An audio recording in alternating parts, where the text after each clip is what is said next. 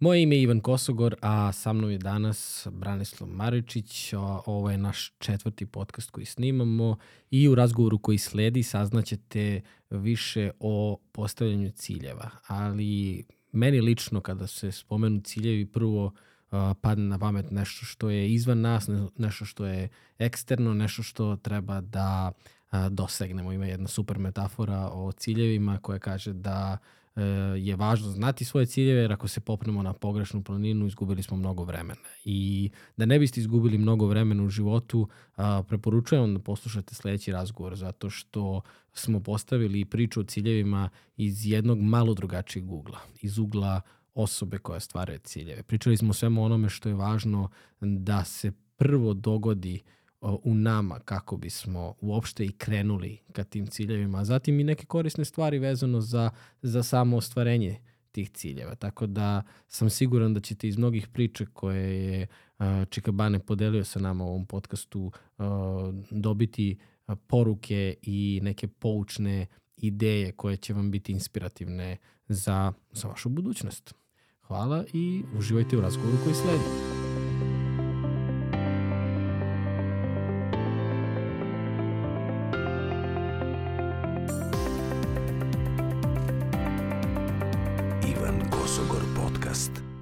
Bane, dobrodošli mi u podcast. Još jednom, sad smo ustanovili da je, da je četvrti. Ja se nadam da će ih biti još mnogo, ali radujem se da, da idemo korak po korak u stvari. Radujem se što smo, što smo opet danas zajedno ovde. Hvala ti što si me pozvao. Izuzetno mi je drago što imaš i prinovu u porodici, sina. Čestitam još jednom i verujem da će vrlo brzo da poraste, a bit će još. Hvala, Tako. hvala. Plan je, plan je da ovde oformimo jedan ozbiljan studio ovaj, sa nekoliko uh, pomagača i učesnika, tako da mislim da ćemo se proširiti malo više. Bože zdravlje, naravno.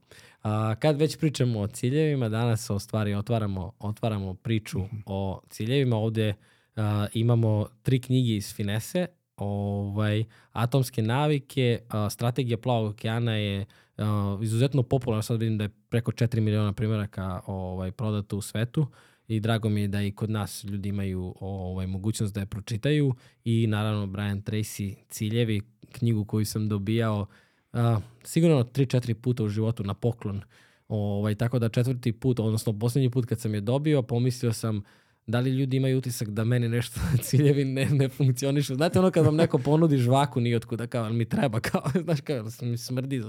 Ovaj, tako ovo sa ciljevima kao, da li se ljudi brinu o meni ili je neka koincidencija? Ovaj.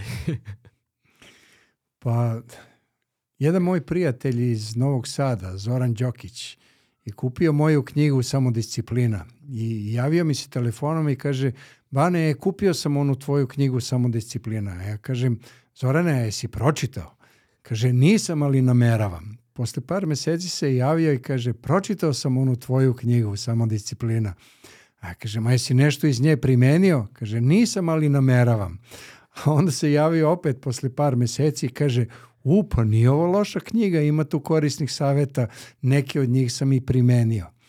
Inače, u procesu ostvarivanja ciljeva vrlo je važna karika u lancu postupaka upravo to, primjena u praksi. E, naveću jedan primer. 1979. godine na Harvardu u Sjedinim američkim državama, renoviranom, renomiranom univerzitetu, izvršena je jedna anketa među postdiplomcima studija. Naime, pitali su ih, odnosno postavili su im jedno pitanje. E, kako zamišljate svoju karijeru pošto završite fakultet? Samo 3% njih su imali tačno zacrtane ciljeve koje žele da ostvare u, u okviru svoje karijere. Imali su zapisane ciljeve i ti ciljevi su bili kristalno jasni. 13% ispitanika je imalo ciljeve onako maglovito u glavi, ali nisu imali zapisane ciljeve i tačno određene. Niti je bio određen rok do ostvarenja cilja. Preostalih 84% ispitanika a, nisu imali nikakve ciljeve sem da završe postdiplomske studije, a posle će videti šta će. 1989. godine, znači 10 godina posle toga, su ih okupili da vide gde su, šta rade, na koji način e, posluju i koliko zarađuju. Interesantna je činjenica da su onih 13% koji su imali maglovite ciljeve po završetku studija u proseku 20, odnosno dvostruko više zarađivali od onih 84% koji nisu imali ciljeve sem da završe fakultet, a posle će vidjeti šta će.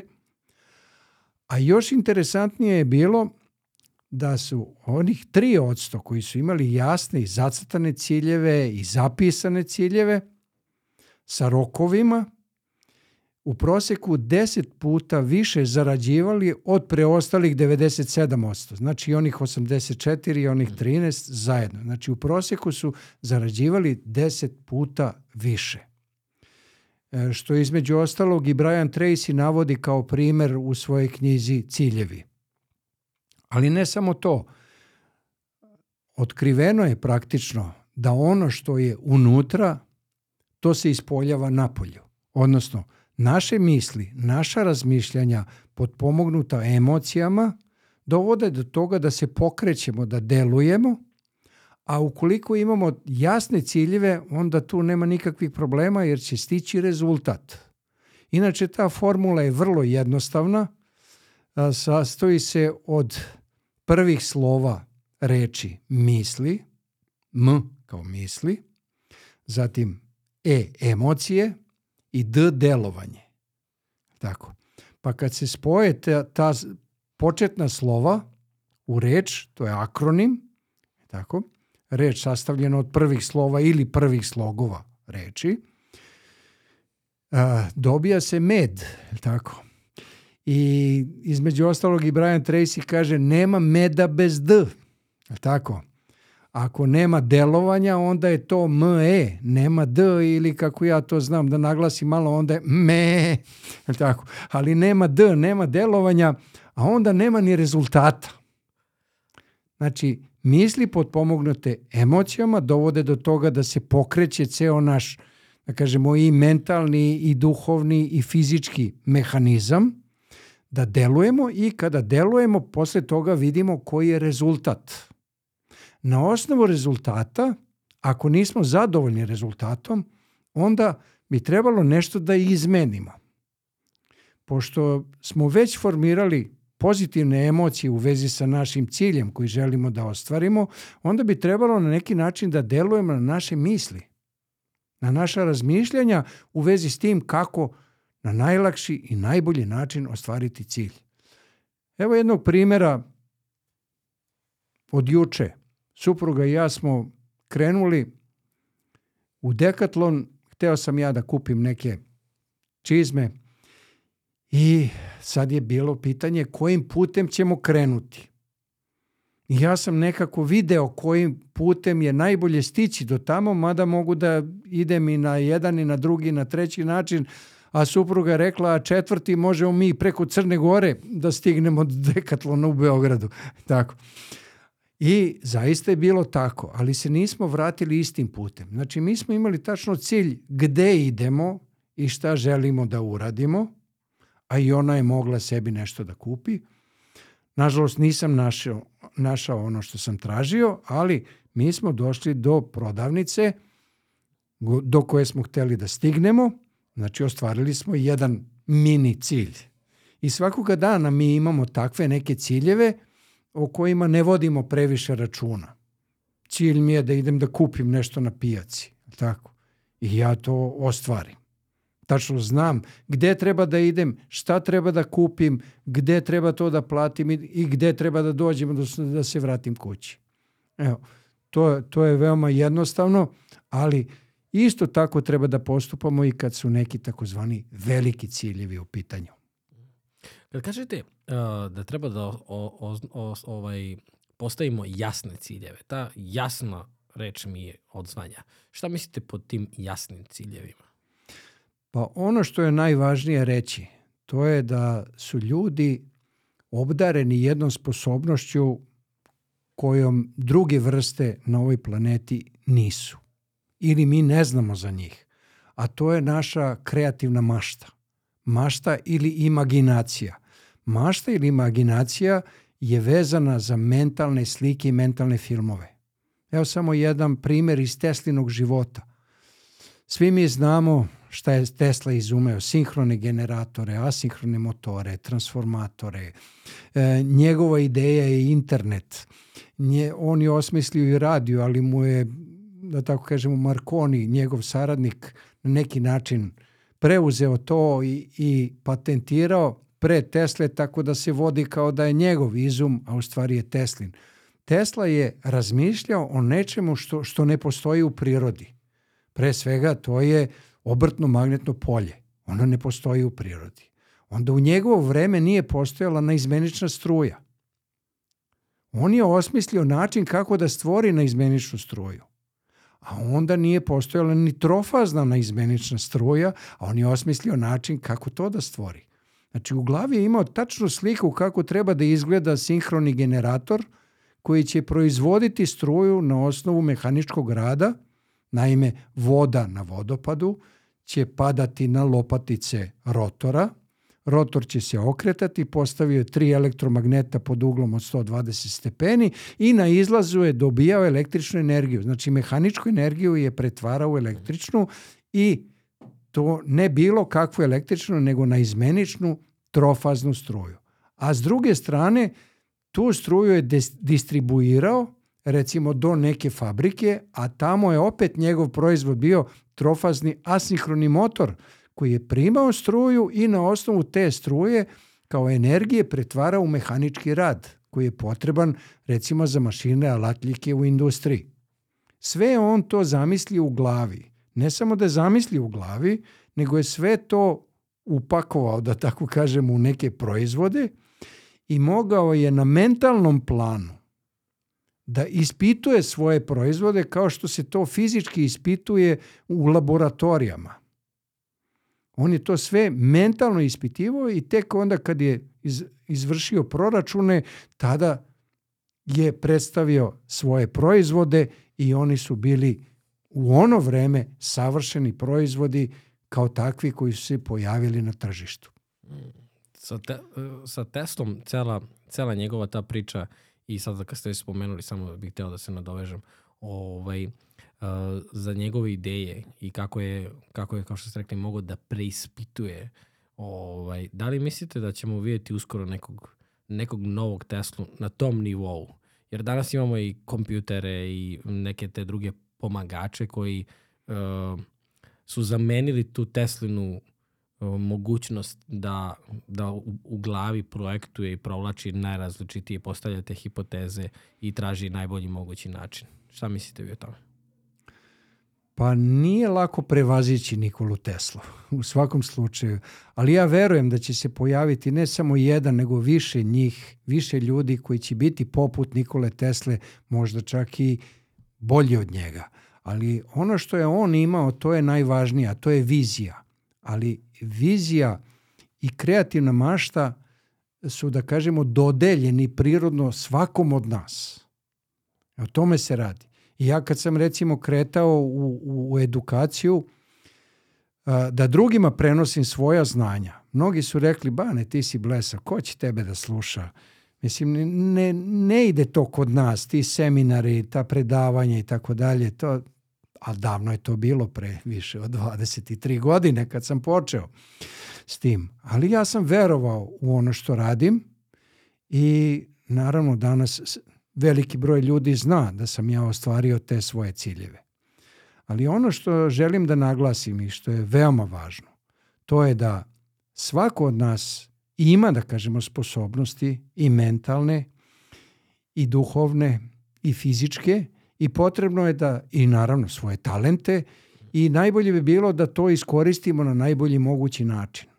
Neki kažu ako ti je Bog dao talenat da budeš recimo muzičar, kao što meni nije dao, ali mi, bio, ali mi je dao da budem talentovan u matematici, na primjer, onda si dužan da iskoristiš svoje talente. Da vratiš to na neki način svetu i da podariš to svetu. Imam dve učenice koje inače su učenice sedmog i osmog razreda osnovne škole i kod mene su na obuci u vezi sa efikasnim, ubrzanim i kreativnim učenjem. Jedna svira violinu, a druga svira klavir. Obe su izuzetno talentovane, ali one su na neki način odustale od sviranja. Je, imaju instrumente, ali redko kada, da kažemo, jedna za klavir sedne, a druga za violinu. Ja kažem, pa dobro, ajde, pozovite još nekog pa napravite neki kvartet, kvintet i tome slično, jer ste izuzetno talentovane. Potrebno je samo da uložite malo više rada i bit ćete vrhunski. Ja, stvari u tome da ako već imamo talente, treba i da ih iskoristimo na određeni način. Veliki broj ljudi, nažalost, vidi samo rezultate, ali Rezultati su poput uh, plodova na nekom drvetu. Recimo da je jabuka. Pa vidite kod nekoga u komšiluku da mu jabuke odlično rađaju. Da, je, da malte ne jabuka na drvetu ima kao što ima onih uh, na grozdu grožđa. Tako. Vrlo gusto. A kod, a kod mene recimo ima vrlo malo plodova. Ali plod je rezultat. I plod je ono što je vidljivo. Ali ono što je nevidljivo je koren. Koren mi ne vidimo. A biljka iz korena uzima i minerale, i hranu, i vodu. Naravno, spoljašnji vidljivi deo biljke i on uzima vodu putem kiše, tako, snega, uzima i energiju sunca, ali ono što mi ne vidimo to je koren. I koren hrani biljku. I verovat, verovatno onaj komšija kod koga ima mnogo jabuka na drvetu u odnosu na moju jabuku, verovatno neguje to drvo. Na taj način što on obezbeđuje i hranivo, okopava okoli, okolo, kako se to kaže, vadi koren koji je nepotreban, koren korova, tako, i on neguje to drvo i zato ono daje izuzetne rezultate. Isto se to odnosi na nas. Tako da, ako negujemo sebe, pre svega fizički, mentalno i duhovno, mi ćemo onda imati izuzetno dobre rezultate. Mnogi danas gledaju samo krajnji rezultat i to najviše gledaju kroz novac koji zarađuju. Međutim, novac je posledica. I vrlo je važna još jedna formula koja je veoma jednostavna, a to je biti, raditi, imati. Ne može drugačije. Ako, da kažemo, promenimo redosled koraka da odmah imamo, to je onda obično kriminal. Tako, mogu da uđem u neku banku, opljačkam banku, ali to ima svoju cenu. Tako. Dobit ću odgovarajuću prostoriju u zatvoru i gledat ću kroz rešetke. Evo, tome se radi. Znači, prvo treba da izgradimo sebe, znači da sebe edukujemo, obrazujemo, a onda da to što smo naučili pretvorimo u neki rezultat. I taj rezultat ne mora biti novac. Stvar je u tome da kada radimo i damo sve od sebe, onda će novac doći kao rezultat. I u zavisnosti toga kako radimo, mi možemo svoje poslove da korigujemo, jer ako nismo zadovoljni rezultatom, setimo se one prve formule MED, jednako rezultat, znači misli plus emocije plus delovanje daje rezultat, onda možemo imati drugačije rezultate. I ne mora uvek da bude sve, da tako kažemo, gledano kroz novac. Evo jednog primjera. Jedan kineski, e, da tako kažemo, vozač rikše. Znamo šta je, šta je rikša, je tako? Praktično on je na neki način pogonska energija za rikšu, a rikša je jednosed, možda čak i dvosed, gde se gospoda voze i oni njemu plaćaju za to. Kao neki starinski taksi u Kini. I on je radio do svoje 75. godine i jedan od ciljeva je bio da kad napuni 75 godina da se penzioniše i sa nekom svojom lepom ušteđevinom da se vrati u selo dakle je krenuo u svet. Odnosno u veće gradove Kine, a i Kina je svet za sebe. Kad je došao u selo, video je veliki broj dece koji rade, od, malte ne od jutra do mraka, zajedno sa svojim roditeljima na pirinčanim poljima i nemaju novca niti vremena da se školuju. Onda je on ostavio celu svoju ušteđevinu u selu da bi omogućio deci da se školuju, da ne rade na pirinčanim poljima.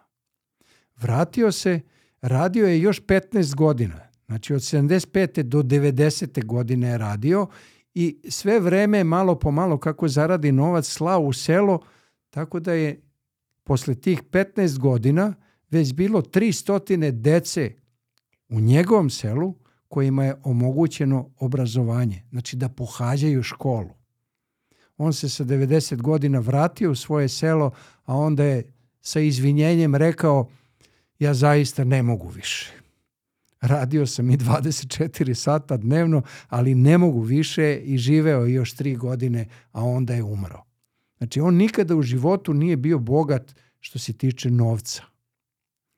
Ali sav taj svoj imetak koji je stvorio, on je podario deci kojima je omogućio školovanje. A onda su i oni naravno mogli dalje da ostvaruju i svoje ciljeve. Uh, predivna priča prvo, ali to, to je istinita priča? Ja sam je čitao juče i verujem da je istinita. Hmm. Predivna, predivna ovaj, uh, samo ću se vratiti na sekund. Ostalo je malo onako bez teksta, ja sam zamišljao ovaj, slikovito pričate dosta.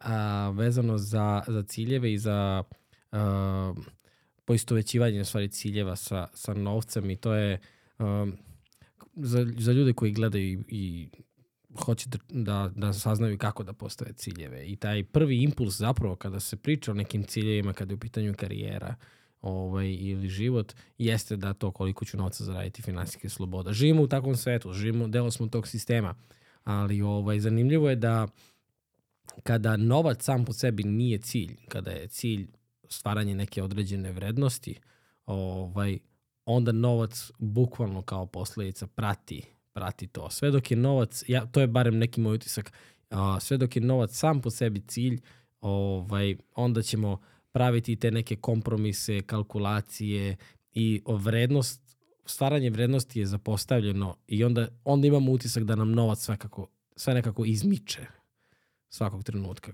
Šta mislite o tome? Pa u svakom slučaju ako čovjek želi novac, on mora da bude svestan toga da mora da postavi svoje ciljeve kako da stigne do tog novca. Ali da bi došao do tog novca, on treba pre svega da, da ima neka znanja, saznanja, da se školuje, ne mora formalno. U našoj zemlji je formalno obrazovanje, osnovna škola, srednja škola, fakultet, ali obavezni smo da idemo u osnovnu školu. Ali ima i dece koje nikad nisu završila ni osnovnu školu. Ali to ne znači da nisu uspešni u životu. Veliki broj istaknutih ljudi nisu završili fakultet, a postigli su neverovatan uspeh. Recimo Michael Dell bio je svoje vremeno jedan od, od najmlađih multimilijardera u, u Sjedinim američkim državama, a samim tim i u, i u svetu.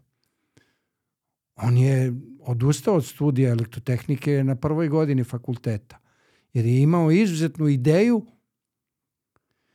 a tu ideju je pretvorio u cilj i, on, i zahvaljujući toj njegovoj ideji koja je pretvorena u cilj, veliki broj ljudi je imao mogućnost da koristi kompjuter za sobstvene potrebe. Naime, u to vreme IBM je bio, a i danas je IBM svetska kuća za proizvodnju računara, ali IBM je radio računare za sve jednako. Zamisli, zamisli sada da, da, da svi mi jednostavno imamo cipele 42. Samo broj 42. Meni je 42 malo, a nekom je preveliko. E to je uvideo Michael Dell, pa je počeo da pravi kompjutere po meri korisnika. Na primer, ako je neko prevodilac, njemu ne treba brzi procesor, njemu ne treba u kompjuteru ogromna memorija. Njemu je potreban, da kažemo, od programa samo Word i da zna da uredi tekst u Wordu i to je kraj. I internet mu je potreban, možda i zbog svojih nekih istraživačkih poduhvata. I ništa više. Ali neko ko se bavi programiranjem, pogotovo ako se bavi trodimizljnim programiranjem, recimo kad sam radio u brodogradilištu Tito kao inženjer u projektnom birovu, onda je bio kod nas i jedan od programa programskih paketa AutoCAD. Znači, to je za, za konstruisanje, da tako kažemo, program, pre svega, ali bilo i drugih programa. E, ali za takve programe koji zahtevaju veliku memoriju, veliki memorijski prostor, je drugačiji kompjuter i zahteva i mnogo brži procesor da bi čovek u manjoj jedinici vremena mogao da obavi više poslova. O tome se radi.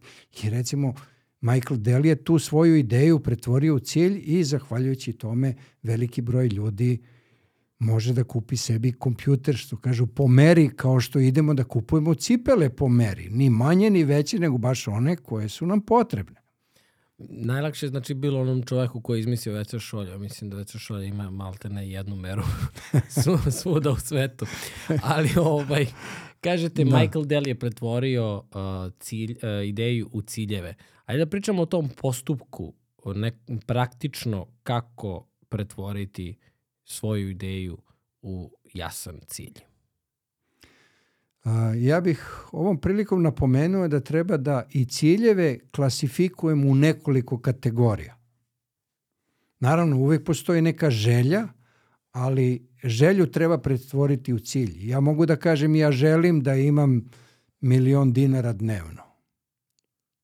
I može da se dogodi da ja imam milion dinara dnevno, ali nisu moje. Radim kao blagajnik u banci, na primjer.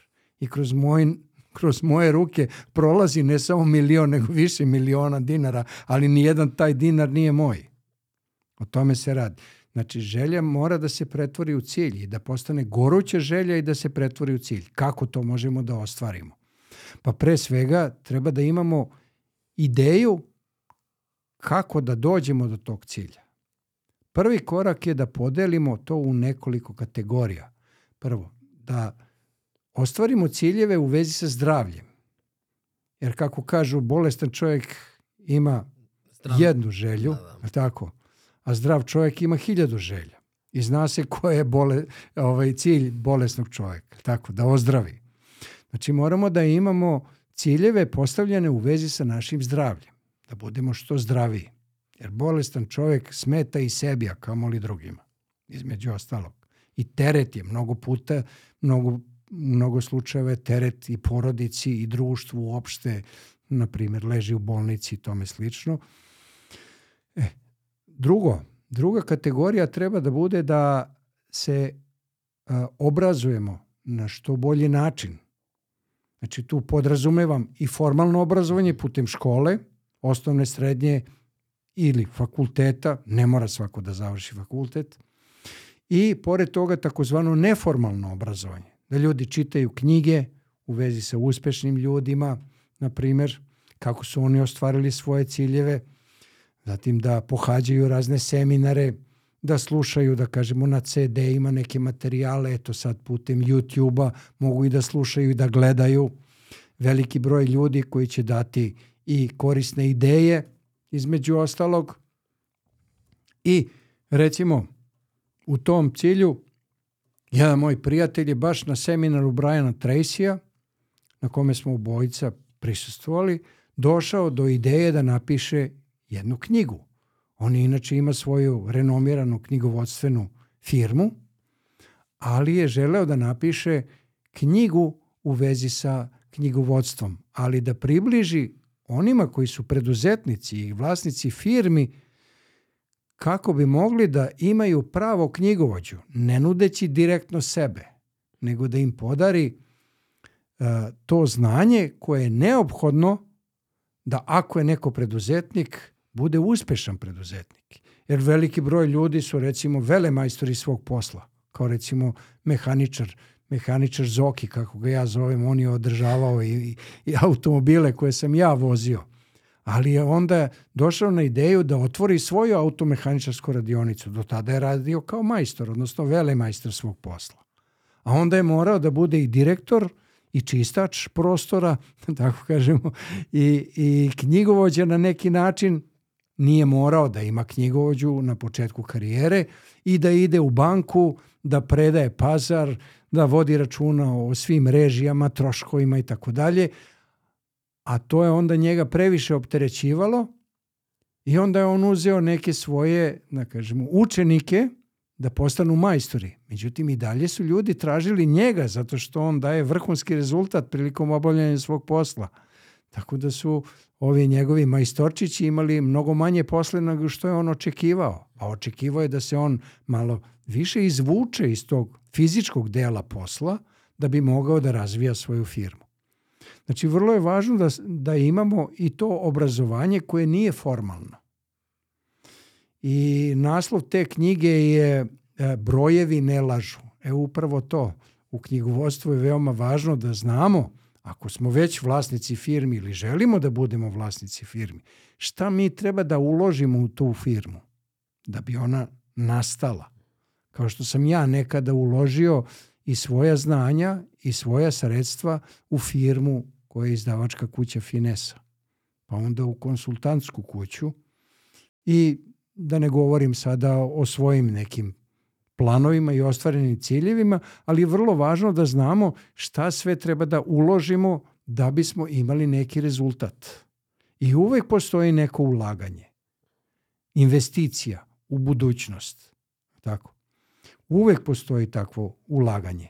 Pre svega treba da uložimo svoje vreme, a vreme je jedini resurs, jedino bogatstvo koje imamo. Na primjer, trajemo 100 godina i posle toga, kako neko kaže, onaj gore je navio sat, da ja trajem 100 godina, nema više. Znači, u tom vremenskom periodu koji je meni dat na raspolaganju, treba da na najbolji način iskoristim to vreme. E upravo uspešni ljudi koriste vreme, a neuspešni ljudi gube vreme. I često ih izovemo zgubidani, znači z gubi dani, gube dane, ili su dan gube. Dan gube, tako. E, Upravo to razdvaja uspešne ljude od neuspešnih. I mnogo što šta još, ali hajde da se vratimo na, na onu jabuku i rezultat, plod jabuke. Trebalo bi u svojoj glavi da dobro osmislimo šta želimo. To je prvo. Znači, to su misli, razmišljanja ili slušamo i ljude sa strane što bi bilo dobro. Ali neki put i nije dobro da ih slušamo jer znaju ljudi da, nam, da nas sapliću kada želimo da ostvarimo neke svoje ciljeve. Kao kad sam ja pre dve decenije išao u Englesku da donesemo ovaj sistem učenja Tonija Buzana, mnogi su želeli da kažu, ma daj, šta će ti to? To ni, nikada neće uspeti u Jugoslaviji i tome slično. Znači, na neki način su me saplitali, ali ja sam nepo, nepokolebljiv bio i znao sam da ću ostvariti rezultat na osnovu onoga što sam uložio. Znači, da se vratimo na jabuku. Prvo treba da uložimo u sebe i prvi korak je da tu želju koju imamo pretvorimo u cilj. Malo što sam rekao, želeti nije isto što i cilj. Onda treba da pretvorimo to u žarku želju, ta naša razmišljenja, a da bismo pretvorili u žarku želju, onda treba da budemo istrajni u tom procesu i da imamo stalno razbuktelu tu unutrašnju vatru, neko to zove motivacijom, da bismo stigli do cilja. I treće je da pravilnim postupcima na najkraći mogući način dovedemo sebe do tog cilja. I da li je to cilj u vezi sa zdravljem ili u vezi sa profesijom, profesionalnom karijerom ili kao posljedica opet finansijskom karijerom tako, i finansijskim ciljevima sasvim je svejedno. Pored toga, veoma važno, naravno za sasvim mlade, to i nije tako važno u ovom trenutku, ali to je porodica. Jedan, jedna kategorija veoma važna u životu je porodica i članovi porodice. Ja uvek napominjem članove svoje porodice pre svega, suprugu i naše dve kćeri. O čemu se konkretno radi? Pa da bi ja ostvario neke ciljeve i zamisli koje sam ja imao nekada, morao sam da imam i neku podršku. A one su me bezrezervno podržavale i supruga i kćerke. Kćerke su tada čak bile i male, ali na koji način su one mene na neki način motivisale da ja idem? Tako što su morale i one da se odreknu nekih stvari da bi ja imao dovoljno finansijskih sredstava da ispunim neke svoje ciljeve. I davne 1998. godine, kad smo objavili knjigu Brzo čitanje, tada smo se prvi put pojavili na sajmu i ta knjiga je bila bukvalno bestseller i ostala i do dan danas. Mislim, ne prodaje se tim intenzitetom kao nekada davno, ali dalje se prodaje ta knjiga. Znači, ima već dve i po decenije od kako je ona na tržištu i ona stalno, da tako kažemo, donosi neki prihod. Ne veliki, ali donosi prihod. I ne samo ta knjiga, nego i veliki broj drugih knjiga koje smo objavili. Kumulativno je sada to mnogo više nego što je bilo na početku karijere. Ali u početku karijere je bilo veliko ulaganje i vremena i, i, i novca i, i svega ostalog da bismo mi započeli naš projekat, ali cilj koji sam ja imao sam ostvario jer sam imao tačno zacrtani cilj i izdavački plan koje knjige treba da objavljujem, kolika dinamika objavljivanja knjiga da bude, da bih ja mogao da funkcionišem i porodično i lično, ali i profesionalno, odnosno da obavljam svoj posao na najbolji mogući način, a na kraju je kao posljedica došao rezultat. I u početku je to bilo malo, mislim finansijski, ali kako smo rasli kao izdavačka kuća i zahvaljujući tome, ne samo što sam ja zamislio kao projekat, a svaka knjiga je na neki način jedan projekat, je dolazilo do toga da i rezultat bude sve bolji i bolji. Ali napominjem još jednom, obrazovanje je prvo i najvažnije. Zašto? Izgrađujući sebe kao ličnost i učeći i savlađujući mnoge veštine i znanja, postajemo na neki način bukvalno magnet za privlačenje povoljnih situacija u svoj život. Naime, neki moji prijatelji su mi, da tako kažem, kao na tacni doneli knjige koje smo mi objavili.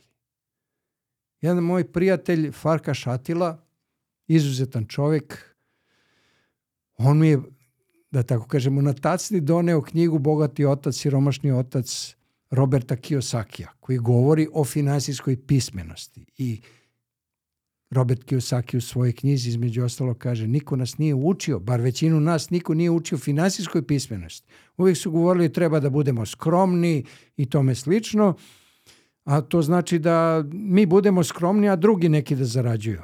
Tako. Zašto bismo mi morali da budemo skromni? E, I to je jedno veliko pitanje. Ali, ono što je najvažnije, to je da svako od nas može da postigne i finansijski odličan rezultat i profesionalan rezultat i u okviru porodici i u okviru zdravlja. Samo je potrebno da postavimo ciljeve u tim oblastima. I ne samo ta knjiga, nego i druge knjige koje smo objavili. Evo, jedan čovjek koga nisam poznavao, Predrag, neću mu reći sad prezime, Uh, on me je jednog dana pozvao telefonom, odnosno pozvao je Finesu telefonom, kad je i Finesa bila mnogo manje izdavačka kuća nego što je danas. I kaže, ja bih hteo da kupim svojim zaposlenima i svojim poslovnim partnerima uh, 100 komada knjiga Bogati otac, siromašni otac. Da li ja to mogu da dobijem danas? Ja kažem, pa zašto da ne? Uh, pa kaže, ko će mi doneti? Ja kažem, pa ja ću da vam donesem. Kaže, pa vi ste direktor Finese, a vi ćete meni da donositi knjige. Kaže, pa naravno da ću da vam donesem. Zašto ne bih ja? Imam i automobil, ja ću da vam dovezem za, za najviše sat ćete imati knjige na svom stolu. Kaže, a za plaćanje? Ja kažem, pa možete platiti i sutra. Ostavit ću vam ja račun, pa vi platite sutra, prek sutra, kad budete imali vremena. I tako je bilo. Ali ono što želim da naglasim to je da je on počeo meni da priča opet o delu svoje karijere. On je završio ekonomski fakultet, imao je neku svoju firmu, ali nije bio zadovoljan. I onda je želeo da ode kod strica u Kanadu, a i stric mu je ponudio da dođe u Kanadu da tamo nastavi karijeru. I kad je došao tamo, stric je inače veoma uspešan biznismen, on je mislio da će mu stric odmah dati neki posao da on radi. Međutim, on je rekao, znaš šta, sad prvo da ideš u knjižaru, da kupiš knjigu Napoleon Hilla Misli i obogati se. Think and Grow Rich. I drugu Georgea Claysona Najbogatiji čovjek Vavilona. I kaže, ja sam mislio da on malo ovako poludeo tog svog biznisa i ja sam došao mlad, pun snage, ja da radim, a ja sad treba čitam knjige. Međutim, vrlo brzo sam shvatio zašto je on to meni rekao da uradim. I ja sam postupio po onome što je on uradio, proučio sam te dve knjige i saznao da pre svega da treba da rastem kao ličnost, znači da izgrađujem svoje vrline, a da umanjujem svoje mane, da one nestaju malo po malo i onda će, da kažemo, biti ostvareni i ciljevi, između ostalog i finansijski ciljevi. I radio je tamo nekoliko godina, ostvario je svoje finansijske ciljeve, onda mu je opet bio cilj da se vrati u Jugoslaviju, tada je još bila Jugoslavija, odnosno u Beograd konkretno, gde je počeo, a onda je svoju firmu novim znanjima i saznanjima i veštinama koje je stvorio uh, u Kanadi obogatio tako da je njegova firma sada veoma, veoma poznata i obslužuje veliki broj klijenata, što je veoma važno. Inače, uh, u toj u tom izgrađivanju ličnosti je veoma važno i da dajemo vrednost velikom broju ljudi čak i ne tražeći ništa za uzvrat. Između ostalog što i ti radiš već godinama. Tako. Ljudi mogu to da slušaju, da gledaju, ako nađu nešto korisno za sebe, odlično. I ako ne nađu ništa korisno za sebe, opet možda će drugi put ili treći put čuti ono što već znaju, ali što nisu upotrebili u praksi. I ja često govorim o tome i ko je Novak Đoković. Svi znamo ko je Novak Đoković, ceo sve zna ko je Novak Đoković. Ali on je kao šestogodišnji dečak rekao da će jednog dana biti broj jedan i da će pobediti na Wimbledonu. I ostvario je te svoje ciljeve, ali imao jasno zacrtan cilj. I kao što kaže Brian Tracy, ja ga često citiram zato što sam bio i na četiri njegova seminara i postali smo između ostalog i na neki način i prijatelji i objavio sam im veliki broj njegovih knjiga. Brian Tracy kaže za uspeh vam je, su vam potrebne samo dve stvari. Jedna je da imate jasno zacrtane ciljeve, a drugo je da budete spremni da platite cenu i to punu cenu ostvarivanja cilja. Znači da se odreknete nekih lepih stvari kao što se između ostalog i Novog Đoković godinama i godinama, da kažemo, odrekao svakodnevno trenirajući, putujući, igrajući na raznim turnirima sa manje u početku, a kasnije sve više uspeha. I dan danas se on odriče nekih stvari upravo zbog tenisa, jer želi da bude i dalje vrhunski i da ostane zapamćen u istoriji kao ne samo kao čovek koji je prvi na rang listi i koji je zaradio možda i najviše novca, nego i kao čovek koga možemo da, da uvek uzimamo za primer uspeha? Uh, imam nekoliko stvari na koje želim da, da, da vas vratim, odnosno samo da, da malo više pričamo o tome.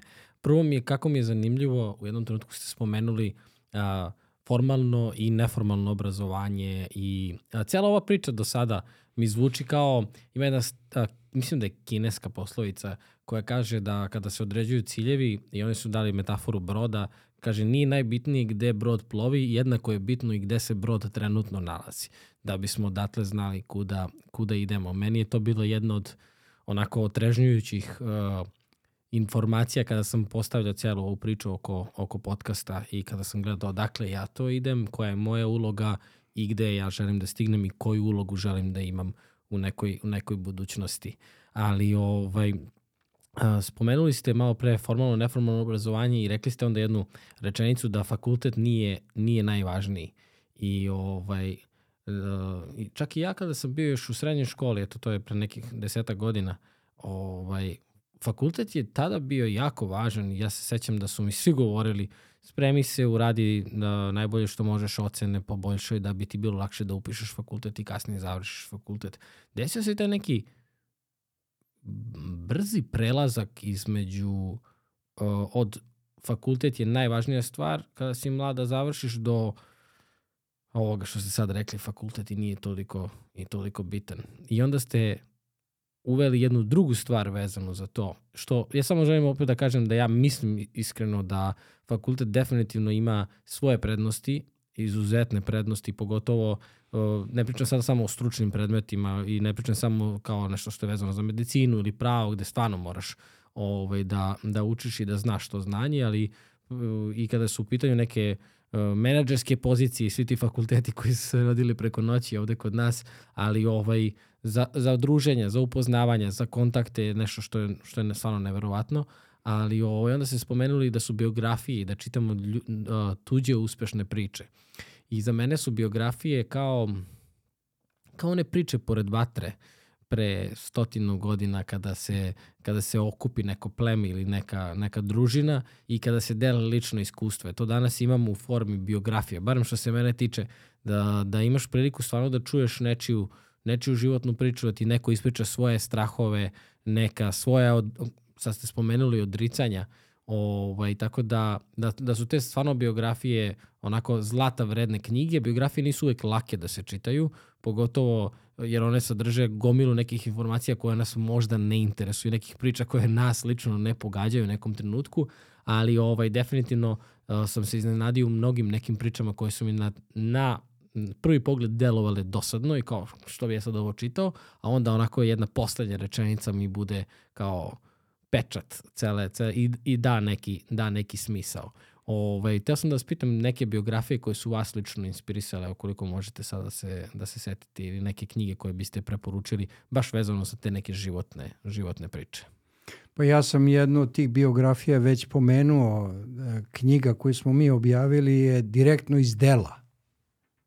To je naslov knjige, mhm. a govori se o Michaelu Delu koji nema formalno obrazovanje fakulteta, krenuo je na mhm. fakultet, ali je napustio, ali uh, vidi se iz knjige koja je većim delom autobiografska, ali u vezi sa poslovnim uspehom kompanije Dell, uh, da je on veoma obrazovan čovek. Znači, on nije završio fakultet, ali je veoma obrazovan. Kao što je jednom prilikom i Albert Einstein rekao, e, ne dozvoljavam da moje školovanje remeti moje obrazovanje. Jer školovanje je jedno, to je jedan sistem i čovjek ako ostane samo u tom sistemu, a ne obrazuje se okolo naokolo, onda će možda i biti usmeren ka jednoj profesiji provesti ceo život uspešno ili neuspešno u toj profesiji. Tako. Kao što se malo čas pominjao knjigovođe, nekad su bili u firmama knjigovođe i tamo su radile, onda su ljudi rekli pa dobro mogu ja da otvorim i svoju knjigovodstvenu agenciju ili neku drugu, advokatsku. Recimo, e, konkretno što se tiče e, biografija ili autobiografija, ja preporučujem biografiju Benjamina Franklina. Svi znamo ko je Benjamin Franklin i da je jedan od otaca Sjedinjenih američkih država, tako kažem, ali on je bio izuzetan čovek po svom delu pre svega, i on je to u svojoj knjizi i objasnio. On je osmislio i, i one bifokalne naočare, to, a to mu je opet neko preuzeo pa je patentirao, pa kad su ga pitali, pa kaže, baš su se tako i, i izrazili, kaže, pa ovaj ti je ukrao taj tvoj proizvod. Kaže, nema veze, služit će čovečanstvu. O tome se radi. Znači, treba biti pre svega čovek, a zaista čitajući o uspešnim ljudima, bez obzira da li su uspešni na nekom duhovnom planu, da li su to filozofi, e, da li su u pitanju poslovni ljudi koji su stvorili kompanije i naravno da li su to neki ljudi koji su u svojoj profesiji fenomenalni, kao što recimo moj dobar prijatelj Siniša Birovljev. On je inače kardiohirurg u penziji, Ali ceo svoj život je radio kao kardiohirurg. Čak i u ono dobra, doba hiperinflacije u Jugoslaviji, kad je njegova plata bila minimalna, ali njegovo znanje ga je odvelo i van Srbije, van Jugoslavije, da, da radi i u renomiranim stranim klinikama, gde naravno je imao i mnogo veće prinadležnosti nego što ima ovde. Ali ono što je najvažnije, što bih ja istakao u vezi s njim, on je imao vrhunsko formalno obrazovanje. On je imao specijalizaciju uh, u Houstonu, u čuvenoj bolnici Houston i tamo je radio i praktično. Oni su mu čak i ponudili da ostane tamo kao vrstan kardiohirurg. On je rekao, neka hvala, ja idem da, da lečim ljude u mom, mojoj Jugoslaviji, u mom Beogradu. I tako je bilo. Znači, ne mora čovjek uvek da ima i, e, da kažemo, finansijski rezultat u skladu sa svojim delom. Ali on je spasao na hiljade života radeći to. E to je nemerljivo. To je nemerljivo. Mislim, merljivo je, ali, ali da tako kažem, kao, kao ideje, nemerljivo mnogo. Po meni mnogo važnije od finansijskog nekog rezultata. Ima i drugih njegovih kolega i koleginica koji zarađuju mnogo više. Da kažem, u Houstonu je jedna mikrohirurgija oka 80.000 dolara, a negde tamo u Africi isti posao obavlja čovek, mikrohirurgiju oka, a plaćen je 8 dolara. Znači, razlika je u tome i gde radimo, a posao možemo obavljati isti. Ali najvažnije je upravo to da dajemo, da stalno isporučujemo neku vrednost ljudima. I što većem broju ljudi isporučujemo vrednost, to bolje.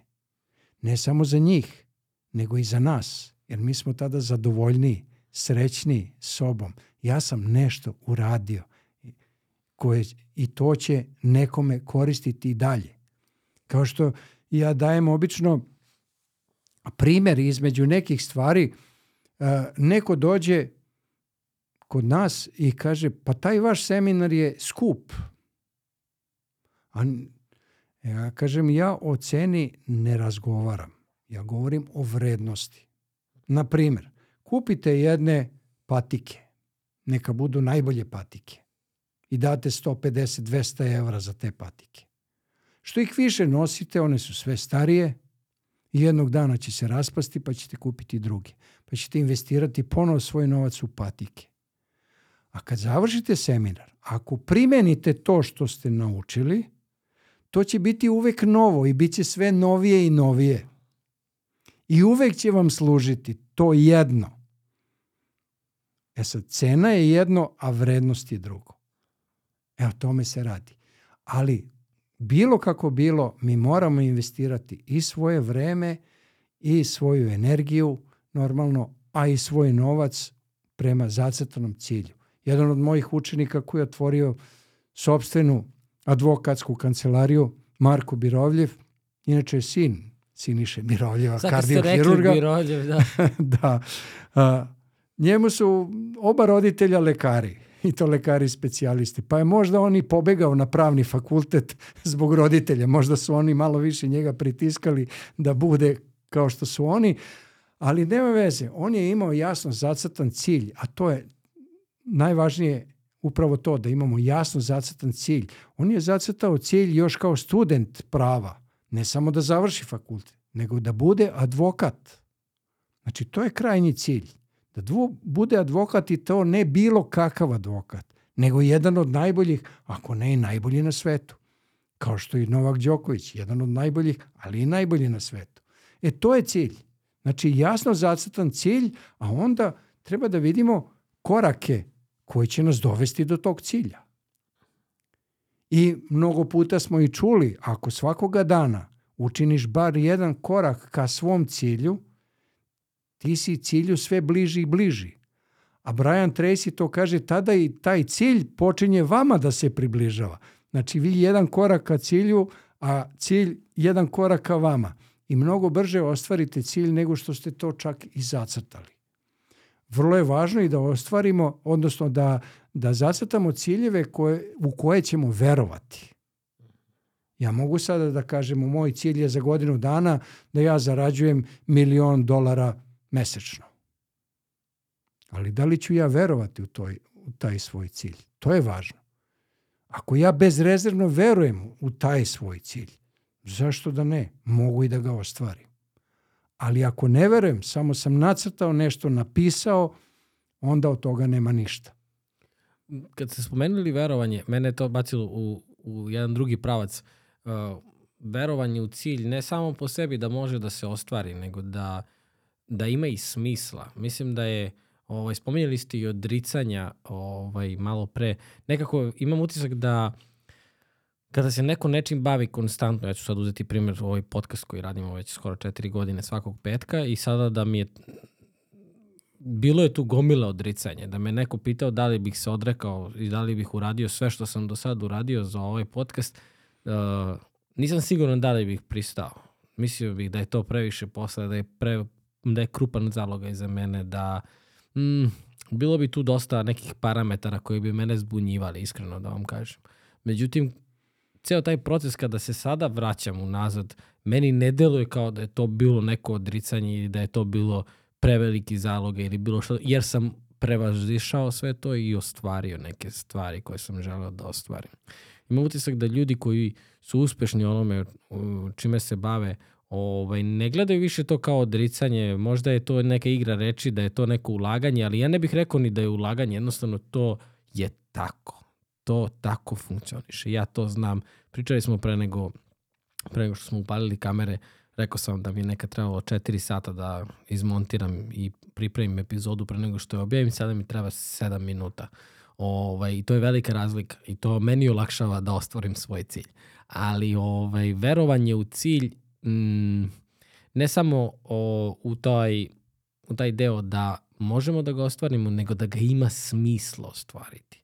Da ima razloga, da, da je jednostavno da taj cilj predstavlja nešto. Za mene je to ključ kada, kada, pričamo, kada pričamo o ciljevima. Ta, taj osjećaj da ono što radim ima smisla. To je tačno. To je tačno, a između ostalo ono što je veoma važno i što mislim da, da će e, svima koristiti, to je da jednostavno mi hteli ne hteli da priznamo. Mi imamo jedan deo ličnosti koji se zove podsvest. Drugi deo ličnosti je svest ili ja. I takozvanu nadsvest ili superego, kako je to Freud rekao, znači id, ego i superego, I mi kao ego, kao ličnost se uvek nalazimo između tog ida, odnosno podsvesti i super, e, super ega, odnosno nadsvesti. To su, da tako kažemo, naša unutrašnja deca i roditelji. Unutrašnje dete je podsvest, a unutrašnji roditelj je na, taj nadsvest ili super ego. O čemu se konkretno radi?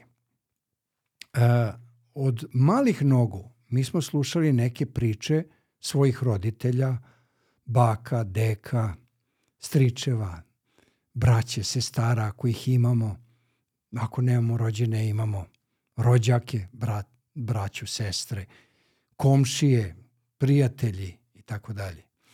Od malih nogu mi smo formirali neke svoje, da kažemo, navike u razmišljanju. Moja dobra prijateljica Branka Jovanović, koja inače i prevodilac, je to lepo uh, sastavila kao jedan izraz stavike. A stavike su navike u, u našim mentalnim stavovima. Tako. Znači, navike u razmišljanju. O čemu se konkretno radi? Evo, veliki broj ljudi želi da se obogate. Tako. Žele da imaju, kako oni to kažu, mnogo novca. Novac, kao što smo rekli, je rezultat Ali da bismo došli do rezultata moramo da prođemo određene faze tog procesa da bi se pojavio rezultat. Dakle, ja moram da uložim neki svoj rad, na primjer, ja sam radio u brodogradilištu Tito kao diplomirani inženjer i na osnovu tog rada koji sam ja tamo uložio, sam dobijao platu. Dok jednog dana nisam otvorio svoju firmu pa i za svoju firmu sam radio tako. Radio sam za sebe i za svoju firmu i dobio platu i čak i ta plata bila mnogo, mnogo manja nego što sam imao u brodogradilištu. To mi se radi. Ali sam imao svoju firmu da ja plaćam sebe, a ne da mi neko udeljuje platu pa u zavisnosti od toga koja je firma, kao što sam pominjao onaj slučaj iz Houstona, operacija oka i tamo negde u Africi, koja je razlika u iznosu koji čovjek dobija. E, a tome se konkretno radi. I šta smo mi slušali od malih nogu? Sine, budi dobar, idi u školu, dobi dobre ocene, kasnije završi školu, završi možda fakultet, zaposli se i radiš za platu i imaš miran san. Većina nas smo to slušali. I ja sam slušao svog oca koji je meni to upravo rekao. A moj otac je bio stvarno genije. On je e, znao da radi, da kažemo, šta god poželi. On je bio jedan od najboljih časovničara sveta, možda i najbolji, koji je znao da napravi i delove za sat. Mnogi časovničari ne znaju da otvore Rolexa, kamo li da ga poprave. On je radio i u Švajcarskoj, čak i obučavao časovničare u Švajcarskoj, što je bilo nezamislivo. Ali svi ti zanati su bili u okviru njegovog hobija. To je njemu bio hobi, odnosno zadovoljstvo. On je unosio svoje emocije u taj posao koji radi između ostalog i postave najbolji u tom poslu. Samo da me izučio časovničarskom zanatu, ja bih možda zarađivao pet puta više u Švajcarskoj nego što sam zarađivao jedno vreme u brodogradilištu Tito kao inženjer. Ali on mi nije savjetovao, dođi da te ja obučim, da znaš i ovaj zanat i ovaj zanat, a ne kaže se bez razloga svaki zanat zlata vredi, pogotovo i juvelirski zanat, jer se stalno bavimo zlatom, dijamantima i tako dalje.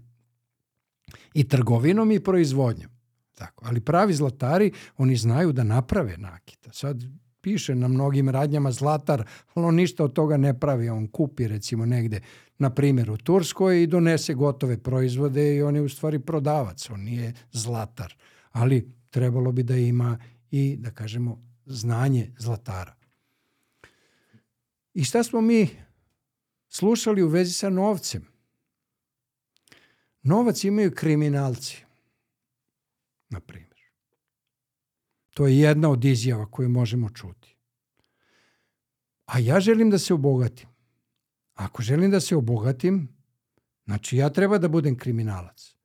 Ali ja neću da budem kriminalac. Znači to je sada u suprotnosti. Super ego, odnosno onaj unutrašnji roditelj kaže, tamam posla da se baviš nekim kriminalnim poslom. Tako.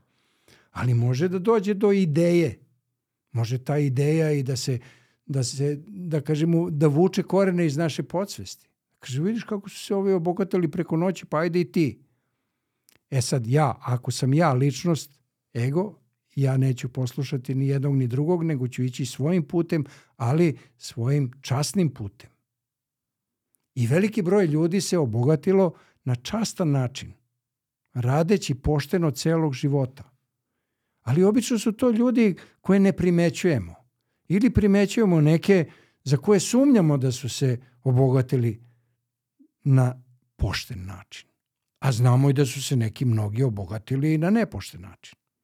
Tako, pre svega kriminalci. Zavisi, zavisi u kom, u kom su domenu. Tako. E, onda šta smo još slušali? Kaže, za novac mora krvavo da se radi. Zamisli ti tu sliku, znači krv, znoj i tako dalje. I šta se onda javlja u našem umu? Pa neću da krvarim, neću da se znojim. Jer, kako kaže to Anthony Robbins, mi smo vrlo jednostavna bića. Funkcionišemo na dva principa. Volimo da se zabavljamo, a ne volimo da nas išta boli. E sad, unutrašnje dete će reći, hajde da se zabavljamo. Tako.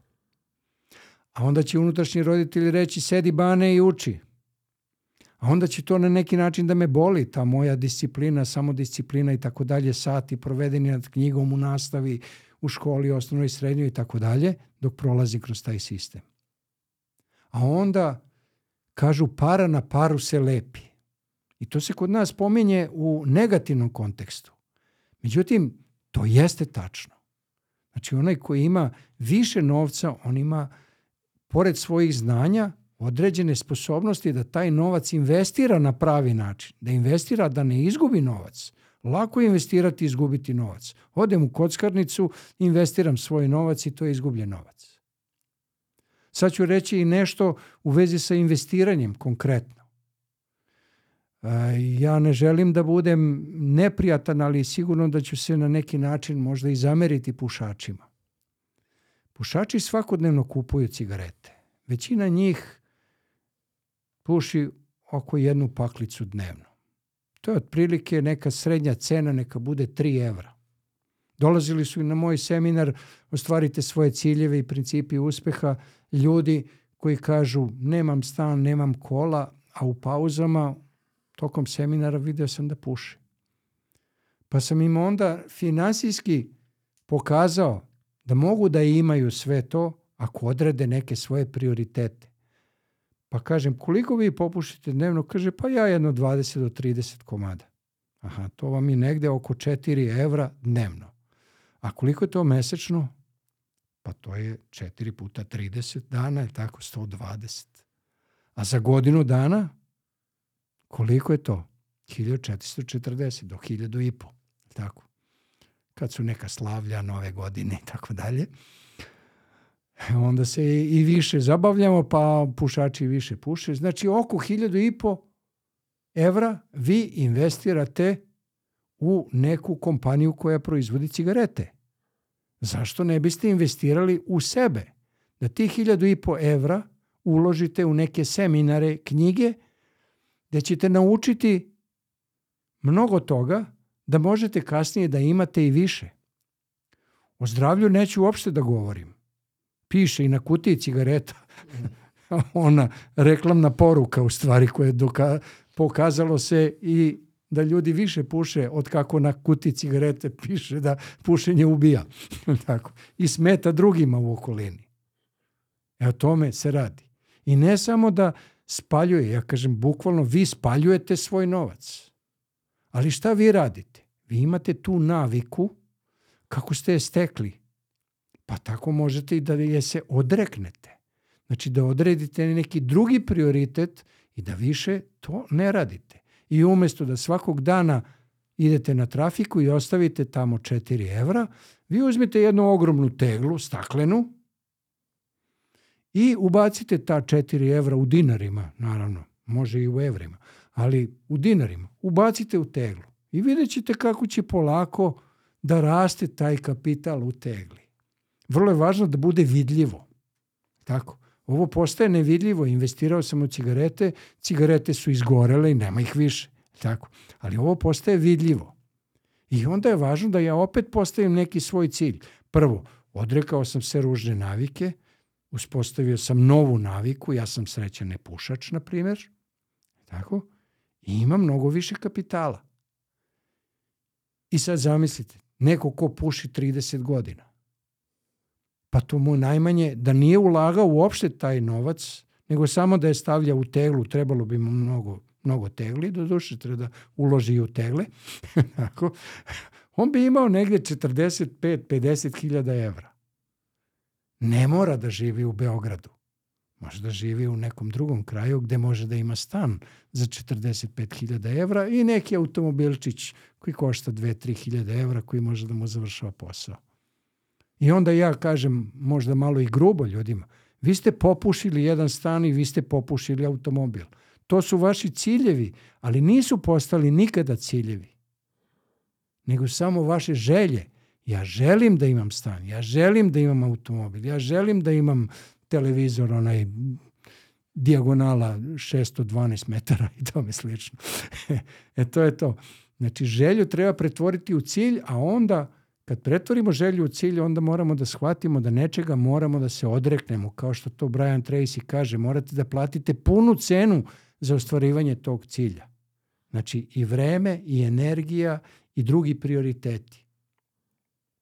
Naravno, kad sam bio mladić i kad sam se zabavljao sa svojom devojkom, sadašnjom ženom, mi smo imali neke svoje ciljeve. Ali kada smo se venčali, kad je stigla prva kćerka Jelena, onda je ona bila prioritet. Kao što je i vama sada vaš Vuk prioritet. Tako. Pa onda stigla i Lidija. Pa su onda obe one naš prioritet. Pa smo razmišljali o tome šta sve treba da uradimo da bismo svi zajedno imali ono što želimo i sebi i svoje deci. Znači prioriteti se menjaju u životu kao što neko želi samo da završi fakultet pa će onda videti šta će da radi.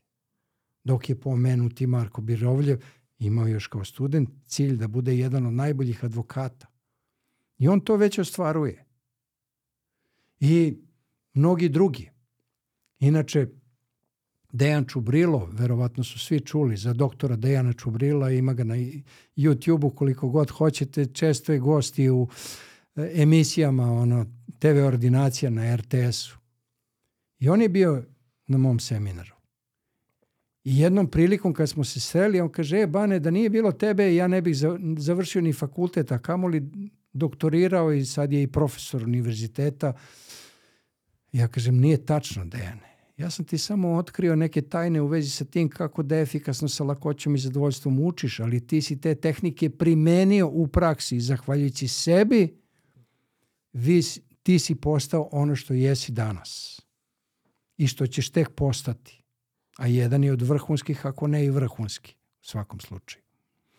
E to, to je od presudne važnosti.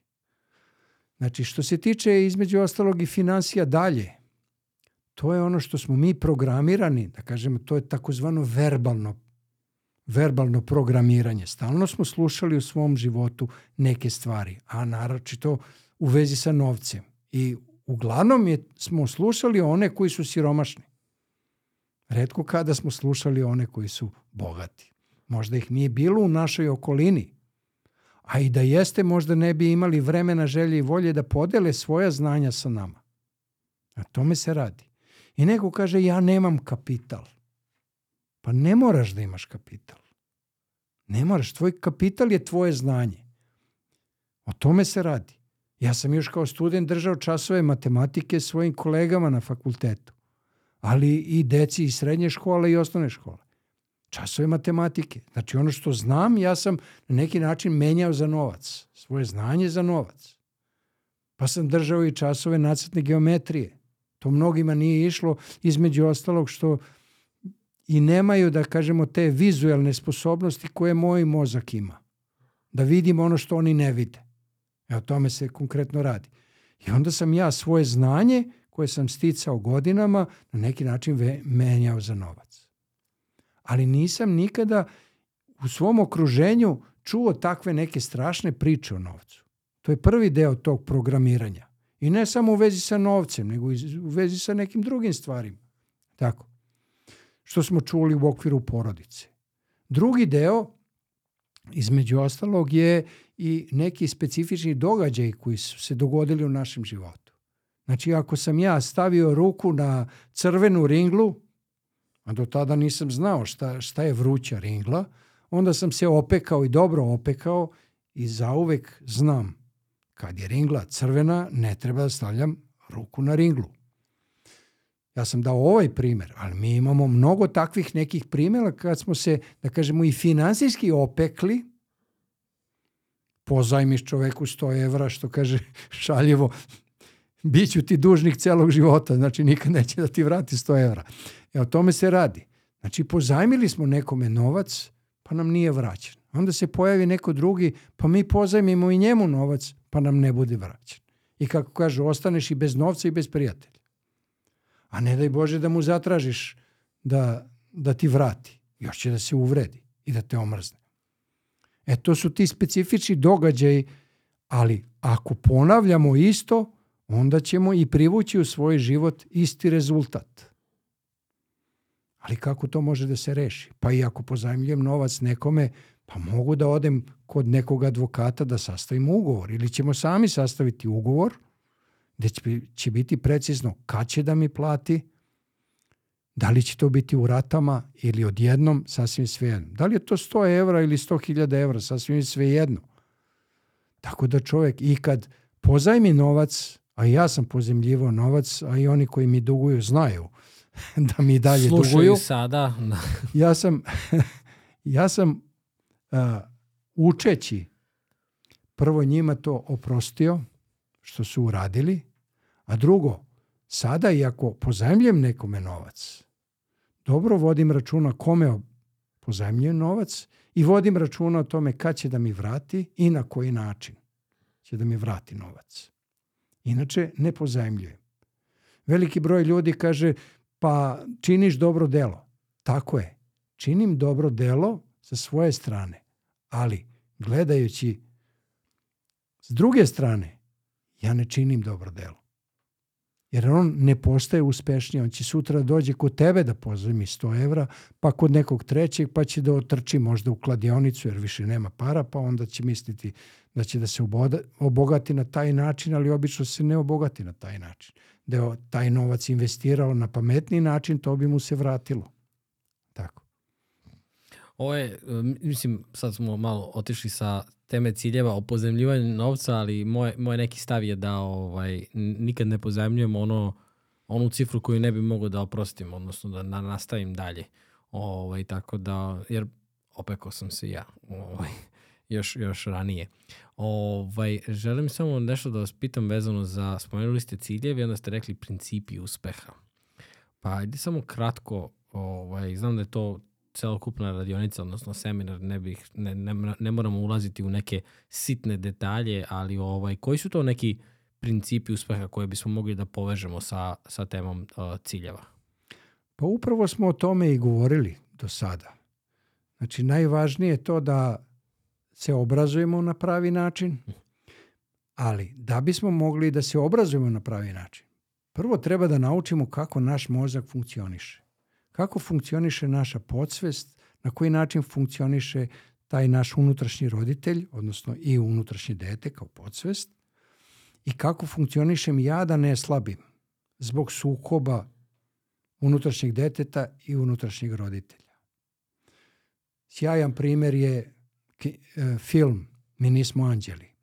Mm -hmm. pa znamo svi za Nikolu da je uvek, da kažemo, između čekić i nakovnja s jedne strane i s druge strane. E, o tome se konkretno radi. Znači moramo da naučimo kako naš mozak funkcioniše, kako naš um funkcioniše. Kada to naučimo, onda učimo tehnike kako da to primenimo, da ta saznanja primenimo u praksi.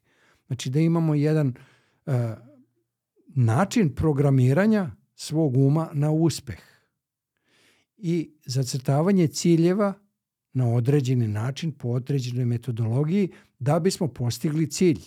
Da li je to zdravstveni cilj, odnosno cilj u vezi sa zdravljem, da li u vezi sa porodicom, da li u vezi sa poslovnom karijerom ili na kraju krajeva finansijski cilj, sasvim je sve jedno. Ali sve je to međusobno povezano. Tako. Ja sam rekao da su moja supruga i moja deca između ostalog investitori u našu firmu. Oni su mogli recimo sav novac koji sam ja doneo kući da potroše na cipele, na šminku i tako dalje i opet bismo bili bez, bez pare u kući, da tako kažem. Ali one su se svesno odrekle takvih nekih e, stvari zarad nekog takozvanog višeg cilja kome sam ja stremio, a kasnije nam je to donelo odgovarajuće prinadležnosti tako da one mogu da imaju i veći broj pari cipela nego što sam ja ikada imao. Što ja kažem, moje kćerke su Ili jedno video. vreme bile ko stonogi, što se tiče broja cipela, ali nisu bukvalno stonoge, ali kao stonoge. Evo, tome se radi. Znači, moramo se nečega i odreći u korist svog cilja. To je to. To je ta najvažnija investicija. A onda postoje, da kažemo, i određena procedura. Znači, kako svoju želju pretvoriti u cilj. A govorio sam i, i o formuli misli plus emocije, tako, plus delovanja dovodi do rezultata. Ako sam zadovoljan rezultatima, odlično. Bravo Bane. Znači, mera jačanja samopouzdanja, sam sebe potapšem po ramenu. Ali ako nisam zadovoljan rezultatima, znači da sam u nekom svom razmišljanju negde napravio grešku. Pa menjam svoje programiranje, da tako kažem, svoj program kao što je softver u računaru, tako i mentalni program u glavi, jer mozak je jedan super biokompjuter, između ostalog, menjam, opet podarim pozitivne emocije, usmerene ka cilju i delujem. I u tom delovanju mogu da napravim promene, jer ako moje delovanje na pogrešan način doveo do pogrešnog rezultata, treba to da promenim, da delujem na bolji način. Tako. I onda opet dobijem rezultat.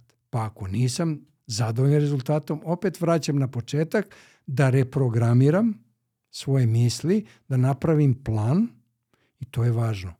I izuzetno važno da napravim plan kako da stignem do cilja, a onda, kao što smo rekli, i svakoga dana da učinim nešto što će me približiti ostvarenju cilja.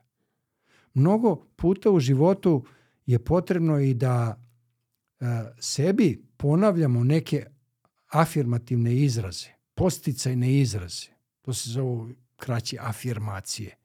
To su posticajne rečenice koje će nam omogućiti da svakoga dana budemo usmereni ka svom cilju. I ako neko želi, kao što smo rekli, da nas aplete, ne, ja idem i dalje ka svom cilju. Znači, ako neko proba da nas skrene sa našeg cilja, ništa. Čujemo mi njega, ali kažemo, vidimo sliku, jasnu sliku cilja. Ja hoću da ostvarim to i to i idem dalje. Znači, stvorim jasnu sliku cilja i onda idem dalje. Jer naš um je, da tako kažemo, neki psihokibernetički mehanizam. To je objasnio Maxwell Maltz u svojoj knjizi Psihokibernetika. Sreća je navika, a u, dole u podnaslovu je psihokibernetika. O čemu se konkretno radi? Daću opet primjer aviona. Danas avi, u avionu postoji posada, kao što je uvek bila, prevozi putnike, evo vi ste došli iz Amerike ovde ili ste išli odavde u Ameriku ili ste išli negde na letovanje avionom. Čovek, za sada još uvek, čovek, kapetan aviona, digne avion na određenu visinu, zauzme odgovarajući pravac i tada se uključi automatski pilot. I taj automatski pilot uvek reaguje kada avion skrene sa kursa koji je zadat, a čovjek samo prati. I ako taj automatski pilot radi ono što treba da radi, a to je da ako avion izgubi malo u visini zato što je razređen vazduh, Osjetili smo svi kad smo se vozili avionom, pogotovo ovim manjim avionima, od jedan put počne da propada, pa se uplašimo. Naravno da se uplašimo. Onaj ko kaže da se ne plaši, taj laže. ili počne da ide gore, ili skrene zbog vetra, bočnog vetra, levo, desno i tome slično, automatski pilot ga vraća na onaj zadati pravac. Čovek reaguje samo ako automatski pilot ne obavlja svoj deo posla, a obično obavlja. E takav psihokibernetski sistem mi imamo ugrađen u našoj glavi. Ali treba da ga potpomognemo time što kažemo cilj. Znači, kao što pilot vazduhoplova kaže, ovaj moj avion leti iz Beograda za New York. I neće onda krenuti putem tamo Beijinga ili putem Kajra. Tako, nego zadaće pravac ka New Yorku, bit će tu malih korekcija tokom putovanja, ali će stići u New York. Pa onda iz New Yorka možda u San Francisco, neki drugi i tako dalje. E to je to. Znači mi imamo taj psihokibernetički sistem, samo moramo da odredimo putanju kretanja, a to je to. Da budemo usmereni ka cilju kao onaj što strelom pogodi tačno u sredinu mete ili oni koji se bave streljaštvom, da li puca iz pištolja i puške, isto to. E, tako i mi imamo jasnu sliku cilja i onda ako dolazi do nekih korekcija, korigujemo i dolazimo do našeg cilja.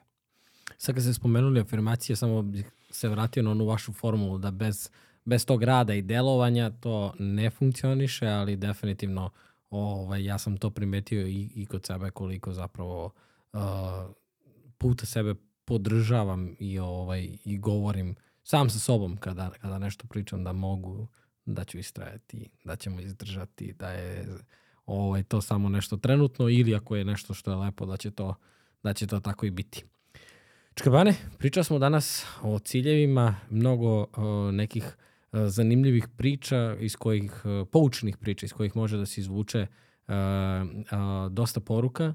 O, pričali smo o toj nekoj o, osnovi kada su, kada su u pitanju uh, kada je u pitanju organizacija postavka života, rekao bih. Ovaj, iako zvuči kada, kada ste vi to ispričali vrlo jednostavno ovaj, znam da mnogo puta zaboravljamo na ove stvari. Zaboravljamo da, da, ovaj, da radimo na sebi. Zaboravljamo da je važno otići na, na neki seminar. Zaboravljamo da je ova knjiga ovaj, uh, podjednako važna kao i neke mnoge druge, mnoge druge stvari. Tako da ovaj, bio je ovo jedan onako otrežnjujući za neke možda podsjetnik, za neke sigurno ovaj, možda po prvi put uh, sastavljen program kako, kako ovaj, uopšte razmišljati o ciljevima.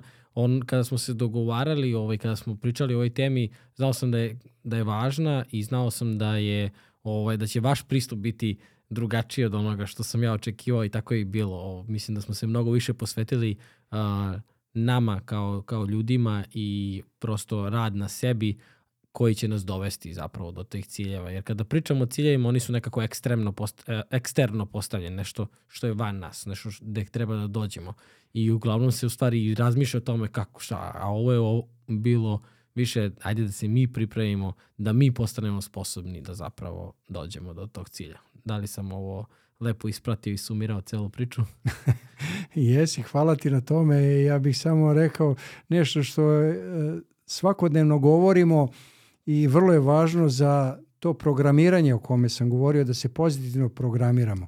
E, svakodnevno čujemo bar jednog ili više ljudi u kontaktu s njima ono zdravo kako si. Kako ljudi odgovaraju uglavnom. Nije loše, kako? bilo i dobrih dana. Kako drugi ocene. Dobro. Meni je najgori taj uh, odgovor dobro. Kako to narod kaže, nit smrdi, nit miriše. Kao i trojka, trojka iz matematike ili likovnog, nije važno. Boga mi Čikabane, za mene je trojka bila slavlje da znate, iz matematike. Dobro, ali ja bih u, ukinuo dvojku i trojku kao ocene. 1, 4 i 5.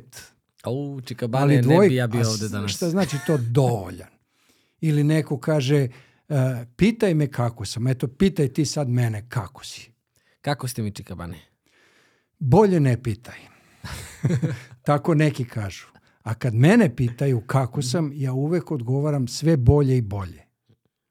E sad samo kratko da objasnim jedna rečenica zašto nije dobro reći odlično. Jer ako sam odlično, ne mogu da napredujem. Ne, ne postoji odličnije. Tako. Zato uvek odgovaram sve bolje i bolje. A neko čak i ne pretumači taj moj odgovor na pravi način pa kaže, a šta ti je? a šta ti je? Pa je sad kao sve bolje i bolje, misleći na moje zdravlje. E, u stvari, to je objasnio Emil Kue u svojoj knjizi Kako gospodariti sobom. Izuzetno. Znači, kad me neko pita kako sam, jednostavno kažem sve bolje i bolje. I još jedna stvar je važna, a to je vreme. Pominjali smo vreme više puta. Na primer, mi smo kumovi. Ja kažem, e kume, na, hajde dođi sa porodicom, tu je prasence, tu je tvoje omiljeno vino, ima i piva, ima i one rakije što pravi deda što se, na primjer, tebi, tebi dopada. Hajde malo da, da se opustimo i družimo i to. Izvini kome, nemam vremena. I najuspešniji ljudi na svetu i najmanje uspešni ljudi na svetu imaju 24 sata na raspolaganju dnevno. Pitanje je šta rade s tim vremenom koji im je na raspolaganju. E to je to. Uspešni ljudi koriste vreme, a neuspešni gube vreme. O, o, ovim možemo i da završimo. To je, to je jedna super rečenica, to ste rekli i ovaj, kada, smo, kada smo počeli razgovor. Uh, pre, nego što, pre nego što zatvorimo razgovor, samo bih hteo isto da uh, samo na kratko kažete, uh, spominjali ste u nekoliko navrata seminare i radionice koje vodite. Ja ću ostaviti sve linkove, ali samo je to čisto ljudima koji, koji slušaju i volili bi da rade sa vama ovaj, šta, se, šta se tu sve tačno nalazi? Pa ima mnogo seminara, ali od ovih seminara koje držim najznačajniji su u vezi sa efikasnim, ubrzanim i kreativnim učenjem i upravo u vezi sa ostvarivanjem ciljeva, odnosno učenjem pre svega principa, a zatim i ostvarivanje ciljeva. Hvala Čikabane. Ljudi, čuli ste. Hvala svima koji ste slušali i gledali ovaj podcast. Najbolji način da nas podržite jeste da se prijavite na ovaj YouTube kanal i drugi najbolji način jesu PayPal jednokratne donacije i Patreon. Hvala svima koji to redovno činite i naravno ljudi pišite u komentaru uh, koje ciljeve imate ispred sebe, uh, da li imate neke strategije i tehnike koje uh, želite da iskoristite da ostvarite te ciljeve jednostavno podelite, ajde da započnemo neke konverzacije ispod. Hvala još jednom i vidimo se sledeći put.